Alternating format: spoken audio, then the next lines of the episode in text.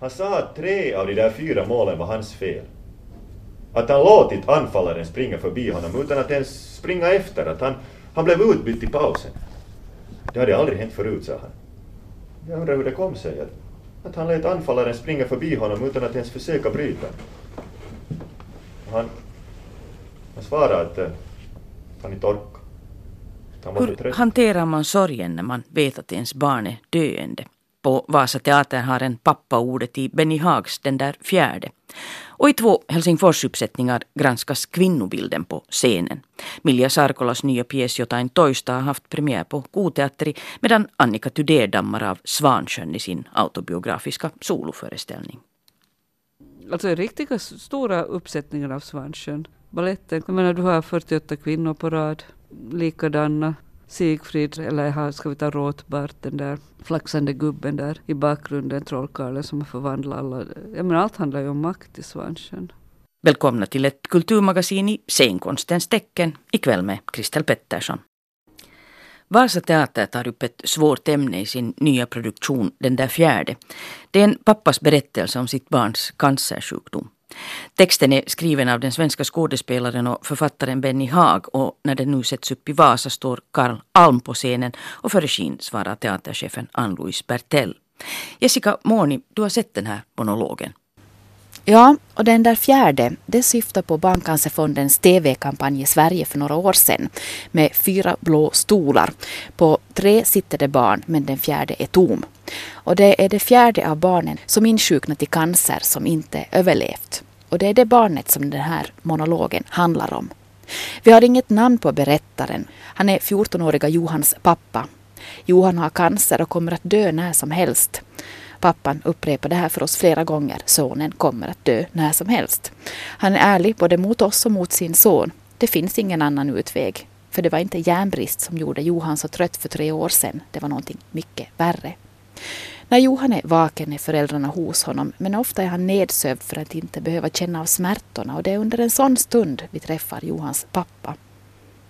Han har mycket han vill berätta för oss. Och under den knappa timme vi har tillsammans lär vi känna familjen, pappan och Johan.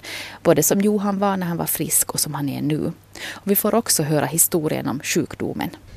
Ja, han sa att... um, han sa att tre av de där fyra målen var hans fel. Att han låtit anfallaren springa förbi honom utan att ens springa efter. Att han, han blev utbytt i pausen. Det hade aldrig hänt förut, sa han. Jag undrar hur det kom sig att, att han lät anfallaren springa förbi honom utan att ens försöka bryta. Han, han svarade att eh, han inte orkade. Att han var för trött. Och att han egentligen inte brydde sig. Ja, ja. Jag satt ju igång och började skälla och sa att det där var ett jävla håglöst och slött beteende. Det var nog någonting om lathet också. Någonting om att man minsann vill ha allting serverat och inte vill behöva anstränga sig nu för tiden. Jag hade ju till exempel startat min första firma när jag var i hans ålder, förutom att jag kämpade för att få högsta betyg förstås. 84 dagar senare fick han sin första cancerdiagnos. Vi får ta del av minnesbilder och iakttagelser och det här är en man som lämnar ut sig själv inför oss. Han vill få oss att förstå. Förstå hurdan han har varit, vad han har blivit och varför. Han berättar för den som kanske själv drabbas, den som eventuellt blir en anhörig. Johan vill begravas i en Jokerit-tröja. Han, han älskar Jokerit. Jag tror att det där bygger på någon slags faders uppror. För jag är nämligen Hifki-fan. Och ända sedan han föddes så har jag präntat in i honom att Hifki är världens bästa lag, med världens bästa publik, med världens största själ och hjärta. När han var nio år kom han hem med en Jokerit-tröja på sig. Jag, jag blev helt förbannad. Helt på riktigt. Alltså, det låter inte klokt, jag vet det. Men jag, jag, jag kände mig sviken faktiskt. Här hade jag satt ner så otroligt mycket tid, ork, energi och pengar på honom och bara skiter han i det. Vi, vi har grälat det där på allvar. Alltså suttit vid köksbordet och bråkat om Teemu Selänne. Vilken otrolig svikare han var som blev proffs i så unga år och, och svek uh, Jokerit som, som, som hade satsat så mycket på honom. Som jag har gjort på dig! Sa faktiskt så. Jag minns det helt tydligt. Kan man någonsin börja le och skratta igen om ens barn tynar bort och dör i cancer? Den frågan ställer sig pappan i den där fjärde. Kommer han någonsin att skratta på riktigt igen, sådär från magen. Nu tillåter han sig inte att skratta på riktigt för då sviker han Johan som ligger och tynar bort. Och samtidigt så konstaterar han att inte en enda cancercell ger upp fast han är ledsen. På Vasa Teaters lilla scen Vasallen kommer publiken nära skådespelaren och jag sitter på första raden och följer varje skiftning i pappans, Karl Alms, ansikte. Scenografin, signerad Jeremy Krotz, är enkel. Ett draperi längs med bakre väggen som till färgen påminner om en sjukhusvägg. Fyra blå stolar, samma antal som i Barncancerfondens info. Några barnteckningar på väggarna. Det är inte mycket att fästa blicken på, så den går gång på gång till pappans ansikte. När han talar om hur Johan ser ut idag, utan hår, utmärglade händer, om smärtorna, om pojkens klokhet inför sjukdomen och döden, då stirrar jag på hans snygga ljusbruna skor istället för på ansiktet. För har man barn själv så är man extra känslig för den här typens historier. Det är mycket rörelse på scengolvet. Han berättar, vankar av och an, blir forcerad. Det är så mycket han vill berätta för oss innan tiden tar slut. Många minnen från de tre år som gått sedan familjen fick domen, sjukdomen. Trots att temat är tungt så får vi i publiken ofta andningspauser när pappan berättar om händelser som, även om de hör ihop med situationen, också har andra element. Det var, så, det var så märkligt alltihopa. Där satt jag mitt emot en människa som jag knappt visste vad hon hette. Jag hade ingen aning om hur hennes liv sett ut. Jag visste inte ett skit. Men ändå berättade jag saker för henne som jag aldrig har berättat åt någon annan. Någonsin. Men Jag kunde till och med ljuga ifall jag ville, vilket jag faktiskt gjorde till att börja med. Jag ville väl skärra henne på något sätt, chocka kanske. Jag sa att jag kanske hade dödat någon men att jag inte var riktigt säker. Bara nicka och anteckna i sitt block och bad mig berätta vidare. Och jag bredde ut mig och sa att ja, det kanske var en dröm, men att det kanske hade hänt i verkligheten. Att jag, jag håller en blodig kniv i handen och har en diffus känsla av att jag har stuckit den i magen på någon. När monologen närmar sig slutet undrar jag hur pappan ska lyckas skiljas från oss på ett hoppingivande sätt. Och för min del blir det det han säger strax före slutet som blir det viktigaste budskapet. Det som visar att han redan är en bit på vägen i sorgearbetet. Han säger att det viktiga är minnena av allt det som Johan hann uppleva under sitt liv. Inte drömmarna om det han inte hann göra. Tack Jessica Morni. Monologen den där fjärde kommer att spela några föreställningar på Vasallen på Vasa Teater men den kommer också att turnera i regionen. Och vi fortsätter till Helsingfors till Koteatteri där Milja Sarkolas nya pjäs Jotain toista har haft premiär. Begäret till en annan människa, till ordet, teatern, det förbjudna, står i centrum i den. Och trots att vi inte har hunnit längre än till februari vågar jag påstå att det här är en av årets intressantaste föreställningar. För den som såg Perhenjäsen på Takomo för några år sedan så låter upplägget kanske bekant. Kvällens ceremonimästare är en kvinnlig regissör som har lånat en hel del drag av Sarkola själv. Och när vi möter henne i Ida Kuningas gestalt är hon i färd med att sätta upp en pjäs om begär ur kvinnligt homosexuellt perspektiv. Ett ämne som hon närmar sig ur det självupplevda synvinkel. Klaus hypistelee sormillaan jalkoväliäni. Kukaan ei ole koskaan aikaisemmin koskenut minua tällä lailla.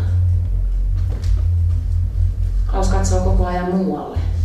Sammaltaa sekavia ja naureskelee muiden kanssa. Den vuxna kvinnan minns en episod från en våt skolavslutningsfest.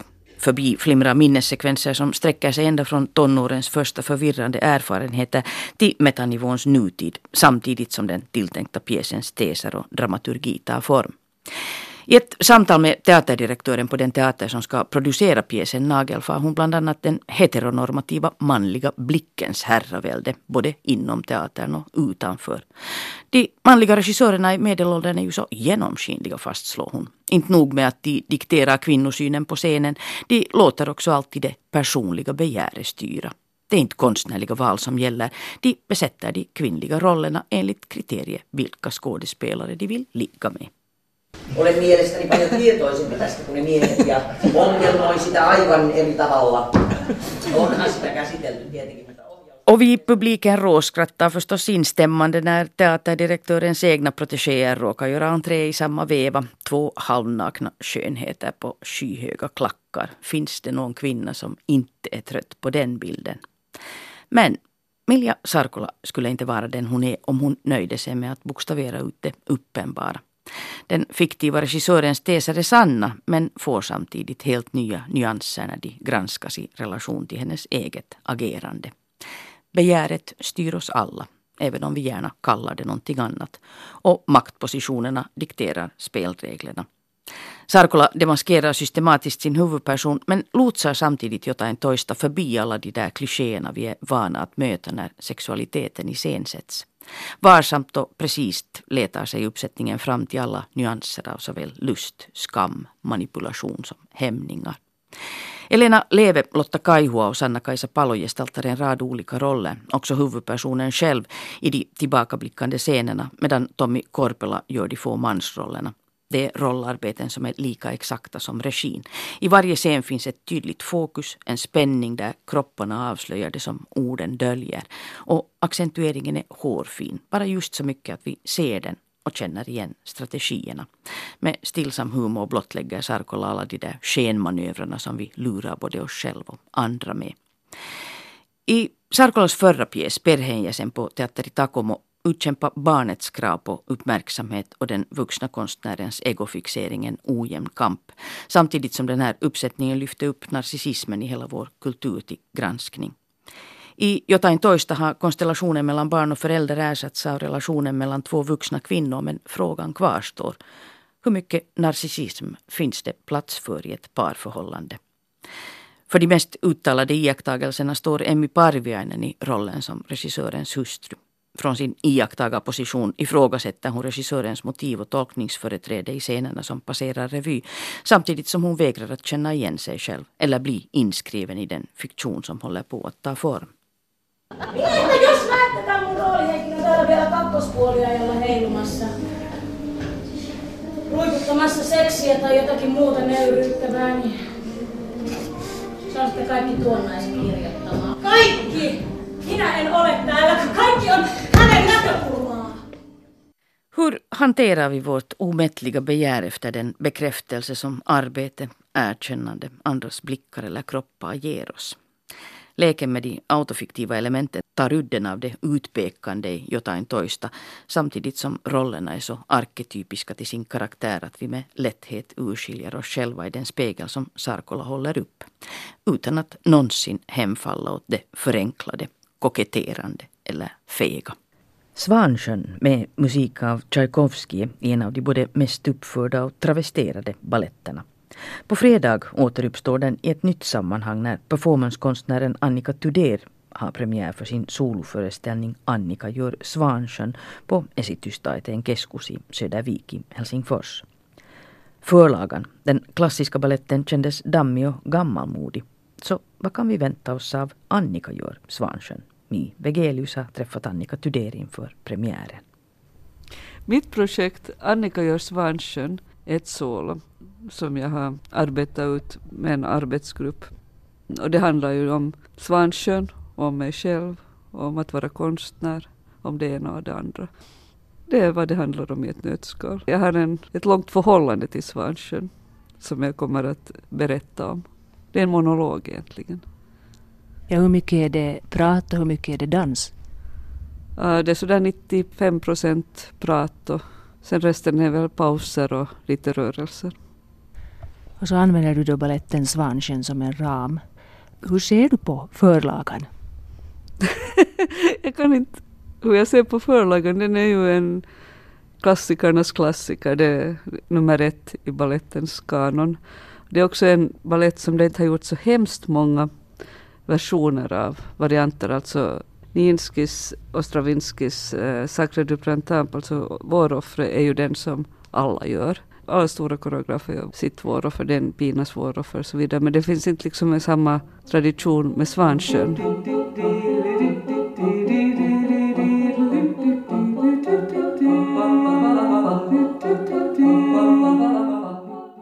Förutom kanske de här små svanarna. Jo, ju småsvanar, det finns klart att det finns nya versioner av Svansjön men det har inte gått lika vilt till med den. Och det var en sak som kanske intresserade mig. Och sen vad som intresserade mig var ju det att eh, man kan göra versioner av Hamlet och Otello och den ena och den andra klassikern, alltså från teatern. Men det är väldigt sällan man sätter en, en ballett i en annan genre. Som nu är mera monolog. Men jag har ju en dansarbakgrund så det finns en hel del sånt stoff. Alltså jag har mycket att ösa ur när jag jobbar med Svansen. Min bakgrund är inte ballett, det kan jag avslöja. Mera nutidsdans. Definitivt, men det är länge sedan. Men den här klassiska historien, hur ser du på den? Ja, den här frågan jag verkligen försöker undvika nu, därför att hela föreställningen handlar om hur jag ser på Svansjön. Okej, okay, jag har skrivit det i mitt pressmeddelande så det är väl inte världens hemlighet. Men jag tycker ju att den ur... Alltså historien är ju, är ju inte riktigt klok. Just det här med en ung man som blir kär i en svamp på sin födelsedag. Hallå! Och jag menar allt annat tönteri som håller på där. Den här utvecklingsberättelsen, eh, right of Passage-idén och det ena och det andra som går igenom de stora romantiska baletterna. Rite of Passage kan du utveckla? Ja, jättebra. Mm. Det är en, ja, en manlig utvecklingsberättelse. Helt enkelt att mannen går igenom det ena och det andra. Men Svanskönnen har vissa intressanta vändningar som gör den lite annorlunda än Sylfiden och Giselle. Som... Nu måste jag avslöja allting. Okej, okay, men alla kommer inte att se min svanskön. Men att, eh, som att han dör på slutet. Som är annorlunda än de vanliga. Där de bara liksom går vidare och går vidare, de här männen. För att sen, de har någonting med några övernaturliga väsen att göra eller någonting händer och så blir de kanske lite klokare och godare. Får man hoppas. Men den delen ser vi aldrig. Äh, Giselle till exempel. Men Svansjön är... Eh, så jag, jag är ju inte någon stor balettfan. Jag har sett ett oändligt antal varianter och uppsättningar då när jag ännu var danskritiker. Men ja, ja, jag vet inte. På något sätt. Vad som är underbart med den här föreställningen, mitt solo, är att jag kan använda all den kunskap jag har från att ha varit lärare i danshistoria, till att ha studerat på universitetet och skrivit essäer om bland annat Svansjön. Och alla oändligt mängder av Svansjön jag har sett på olika ställen och sånt. Japp. Plus att det finns en annan berättelse som ja, kanske en slags utvecklingsberättelse. Man får se. Det är upp till var och en att tolka det. Så är det alltså så att du i din Svansjön ganska mycket återvänder till ditt eget tidigare liv? Ja, jag fyllde 50 på hösten så det har kanske en del med det också att göra. Någonting att titta bakåt och se vad man har gjort och, och vart går man sen. Men jag har ju också blivit närvarande. Det finns referenser lite hit och dit. Men att det jag kan säga att allt som, alla berättelser som jag berättar i den här föreställningen bygger på sanna händelser, saker som har hänt. De har bara fått en viss fiktiv form. Men ibland är det ju nog så att verkligheten, eller för det mesta överträffar ju verkligheten fiktionen.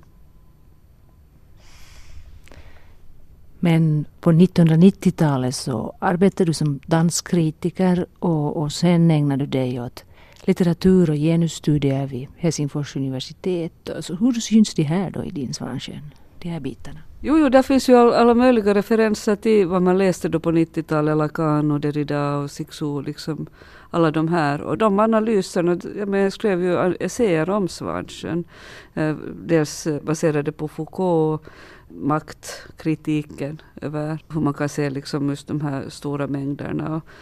Och Svansjön är som en moderniseringsprocess. Ja, men den, den görs ju vid det moderna genombrottet. 1895 hade den premiär alltså vår Svansjön som vi känner till med Apetipa och Ivanov.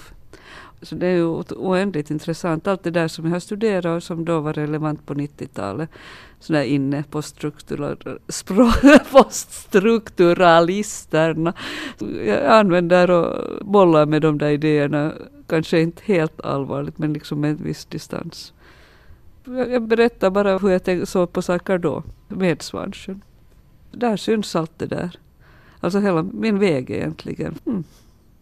Men eh, maktstrukturer och så, hur syns de i Svansjön? I min Svansjön syns de kanske inte annat än att jag har all makt över publiken och sådär. Men att det är en nivå som jag inte ens har tänkt på. Men det är ju klart, jag sitter där med all makt. och pösigt berättar om mig själv och mina tankar. Men eh, alltså riktiga stora uppsättningar av Svansjön. Baletten, jag menar du har 48 kvinnor på rad, likadana. Sigfrid som, eller har, ska vi ta Råtbart, den där flaxande gubben där i bakgrunden, trollkarlen som har förvandlat alla. Jag menar allt handlar ju om makt i Svansjön. Man kan också se det som en Foucault-maktshistoria med, med hur liksom de disciplinerade kropparna i balletten. Och man kan hårdra det åt vilket håll man vill. Det är ju liksom lite upp, upp till vilken uppsättning man är. Ska det vara psykoanalytiskt eller mer handla om det undermedvetna? Handlar det mer om kulturhistorien? Jag menar, allt det där, det är ju därför Svansjön är så oändligt intressant. Därför tycker jag att tyvärr, jag måste medge att jag tycker att det är den intressantaste av de här baletterna. För man kan gå åt den precis med alla de här teorierna och man, man kan verkligen vända och vrida på den. Den har massor och massor, massor att ösa ur. Att jag sen inte kanske alltid älskar att titta på den för balettens skull så är en sen en annan sak. Det finns ju massor sådär tomgång som det nog alltid finns i baletter, sådana divertissementen och sånt. Har du någon väldigt extra minnesvärd Svansjön-föreställning som du ser tillbaka på? Ja, den finaste Svansjön jag har någonsin sett var i Nyslott, på slottet då, eh, Bolshoi-teaterns. Den var faktiskt sagolik.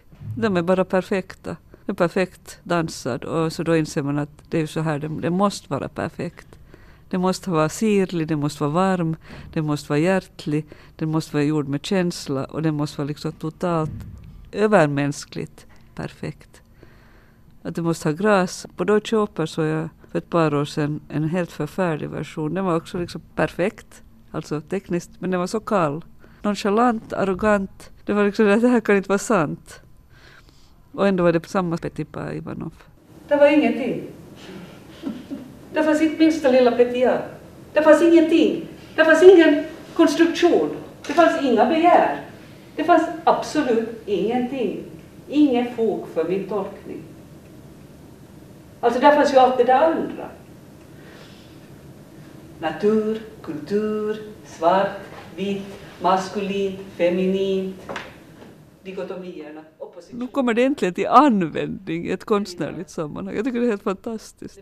Så jag började studera på Uni och sen började jag göra konst igen. Jag hade en paus där med bara studera, studera, studera. Men så grundade jag Oblivia och allting. Och så eh, jättelänge då, jag funderade, hur kan man, hur kan man kombinera teori med praktik? Och sen när vi började arbeta med Oblivia så insåg jag att jag behöver inte alls tänka på den här saken. Och det, det händer, för jag har allt det där i huvudet. Någonstans i bakhuvudet finns det, jag behöver inte mer läsa en rad eh, filosofi om jag inte har lust eller någonting. Jag kan strunta i allting och jag använder det som finns och ser vad som händer. Och nu inser jag att med den här föreställningen är jag liksom det helt konkret och liksom leker med de där sakerna. Det är ju inte en föreläsning jag gör, fast det delvis låter som en föreläsning. Men det är inte en föreläsning. Och Oblivia är då er performance-teater som du var med om att grunda år 2000. Men din Svansjön ännu så, hur mycket värme och hur, hur nådig är du mot dig själv i den? Nådig? Nja, inte är något så hemskt kanske nådig mot mig själv. Den är ganska självutlämnande men den är ju jättepinsam. Det är ju helt förfärliga, eller helt galna berättelser jag berättar. Men jag tror att man kan känna med. Det är inte mera jag jag, jag som berättar om hur jag nu kände mig idag ungefär. Det blir formen som är mera intressant. Men jag har ju aldrig gjort en monolog på svenska sen jag var i studentteatern för 30 år sedan. Så jag tror att det tycker jag är nästan det mest spännande. Att jag har uppträtt på engelska de sista 15 åren. Och före det sa jag ingenting alls på scen när jag dansade. Ja, du har arbetat i ett ganska så internationellt sammanhang. Och din Svansjön så är nu i samarbete med Madhouse, Eskus, alltså Esitystaiten keskus och Mykorrhizia residenser för Uffe Studios i Berlin. Och vad var alla de här plattformarna? Madhouse är ett produktionshus som vi har grundat i Södervik. Eskus är performancecentret som jag också varit med och grundat 2011 här. Vi har varit fem grupper som har grundat det. det är, vi har fyra studier för fria grupper och mötesrum eh, Ja, till slutet av 2016 kommer vi att kunna fungera med Madhouse åtminstone. Och Mykorrhiza det, var, det, det, är en historia för sig som jag berättade i Svansjö. Det spelar en väldigt stor roll i Svansjö. Det var ett residens som jag var inbjuden till i Berlin förra sommaren. Då när jag dansade så gjorde jag så så att jag var ensam och ibland var någon kompis och tittade och följde med. Men att för det mesta var man alltid ensam och det är jättejobbigt att jobba ensam. Det klarar jag inte alls av. Så det, det var en orsak också att grunda Oblivia, för jag var så urtrött på det här med att arbeta ensam. Men nu så insåg jag att man kan ha massor av människor runt sig. Jag menar Meg Stewart, en jättekänd koreograf, hon har 20 människor runt sig när hon gör ett solo. Nu har jag nu haft fem. Men att det är jättemycket roligare. Och när ni har turnerat internationellt med Oblivia, hur har era framträdanden då skilt sig från, från dem i Finland? Nu, vi har haft mera framträdanden internationellt än i Finland. Alltså det är nu först i år som vi kommer att ha väldigt många framträdanden i Finland. Av många orsaker så kommer vi att arbeta mera i Finland de närmaste åren. Och egentligen är det väldigt roligt. Jag hade aldrig trott att det är så roligt att komma hem och också skapa sådana nätverk hemma och se att vad finns det. Men det har också att göra med att scenen för ny scenkonst och performance har förändrats väldigt mycket. Hela fältet har utvecklats under de sista fem åren och helt enormt. Att det finns ett fält. Ja, men för fem år sedan var det nog lite si och så med den saken. Det går undan med fart. Nu kan vi ju dela de här grejerna på riktigt. Vi kan dela med oss av våra erfarenheter. Vi har liksom jättelång erfarenhet. Vi har någonting att dela med oss. Det är också det som gör det roligt att vara tillbaka i Finland. Också jag, jag, jag har workshops också mycket i Tyskland. Men det här med att så eftersom det är delandets kultur, hela den här nätverkskulturen, så då liksom, det är just i tiden. Det är ju helt super. Allt det där som man alltid velat, så plötsligt är det där. Det var Mi Vigelius som hade träffat Annika Tudér. Och Finlandspremiär är det alltså på fredag med föreställningar på svenska till och med den 19 mars. Och efter det blir det ytterligare några föreställningar på engelska. Kulturmagasinet lider mot sitt slut men vi är tillbaka om en vecka. Och då ska det bland annat handla om förlorade söner med utblickar både mot öst och väst. Ikväll är det nämligen premiär både för Svenska Teaterns och Göteborgs stadsteaters samproduktion Fosterlandet och för Pirkko Saisios och Jussi Tornas nya musikpjäs Slava på Nationalteatern. Men mera om det om en vecka. Vi hörs.